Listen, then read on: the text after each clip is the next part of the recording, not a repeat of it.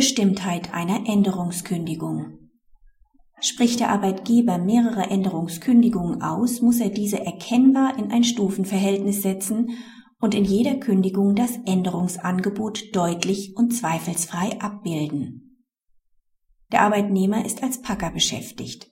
Sein Arbeitgeber bietet den Beschäftigten aufgrund schlechter Geschäftslage in einem sogenannten Bündnis für Arbeit den Abschluss von Änderungsvereinbarungen zu den bestehenden Arbeitsverträgen an.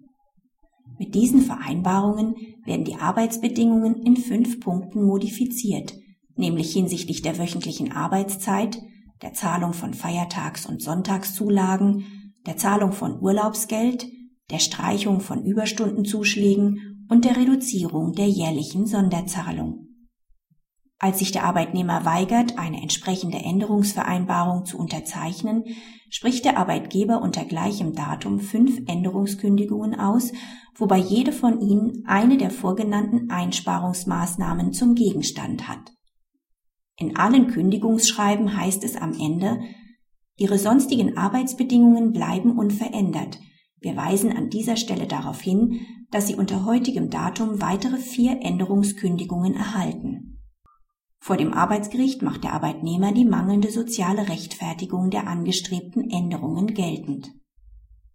Das BAG hält die erhobenen Änderungsschutzklagen für begründet. Die vom Arbeitgeber unterbreiteten Änderungsangebote genügen nicht dem rechtlichen Bestimmtheitserfordernis.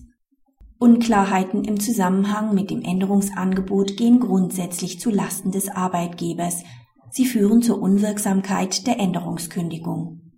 Im vorliegenden Fall hat der Arbeitgeber die jeweilige Änderung innerhalb der einzelnen Kündigung zwar konkret und nachvollziehbar beschrieben, die betreffenden Kündigungsschreiben geben aber weder für sich genommen noch zusammen hinreichend Auskunft darüber, mit welchem weiteren Inhalt das Arbeitsverhältnis fortbestehen soll.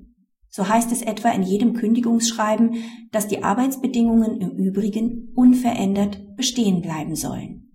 Gleichzeitig wird jedoch darauf hingewiesen, dass weitere Änderungen des Arbeitsvertrags beabsichtigt sind, ohne dass aus der jeweiligen Kündigung hervorgeht, um welche Änderungen es sich handeln soll.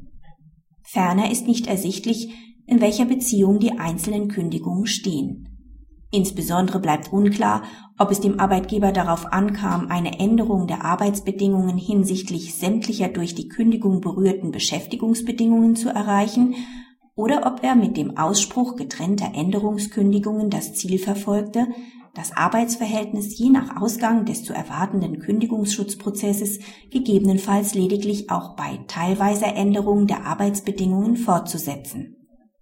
Da der Arbeitgeber diese beiden Möglichkeiten nicht in ein von ihm bestimmtes Verhältnis zueinander gesetzt hat, sind die Änderungsangebote insgesamt perplex. Praxishinweis die Entscheidung macht deutlich, dass der Ausspruch von Änderungskündigungen für Unternehmen ein schwieriges Unterfangen ist.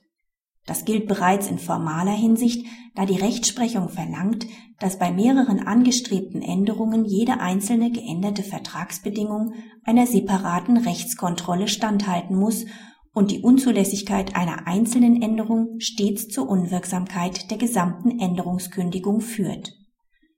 Dieses Dilemma lässt sich nur durch den Ausspruch isolierter Änderungskündigungen mit jeweils unterschiedlichem Änderungsinhalt beseitigen, wobei die einzelnen Kündigungen gemäß den Anforderungen des vorliegenden Urteils stets in ein klares Stufenverhältnis gestellt werden müssen.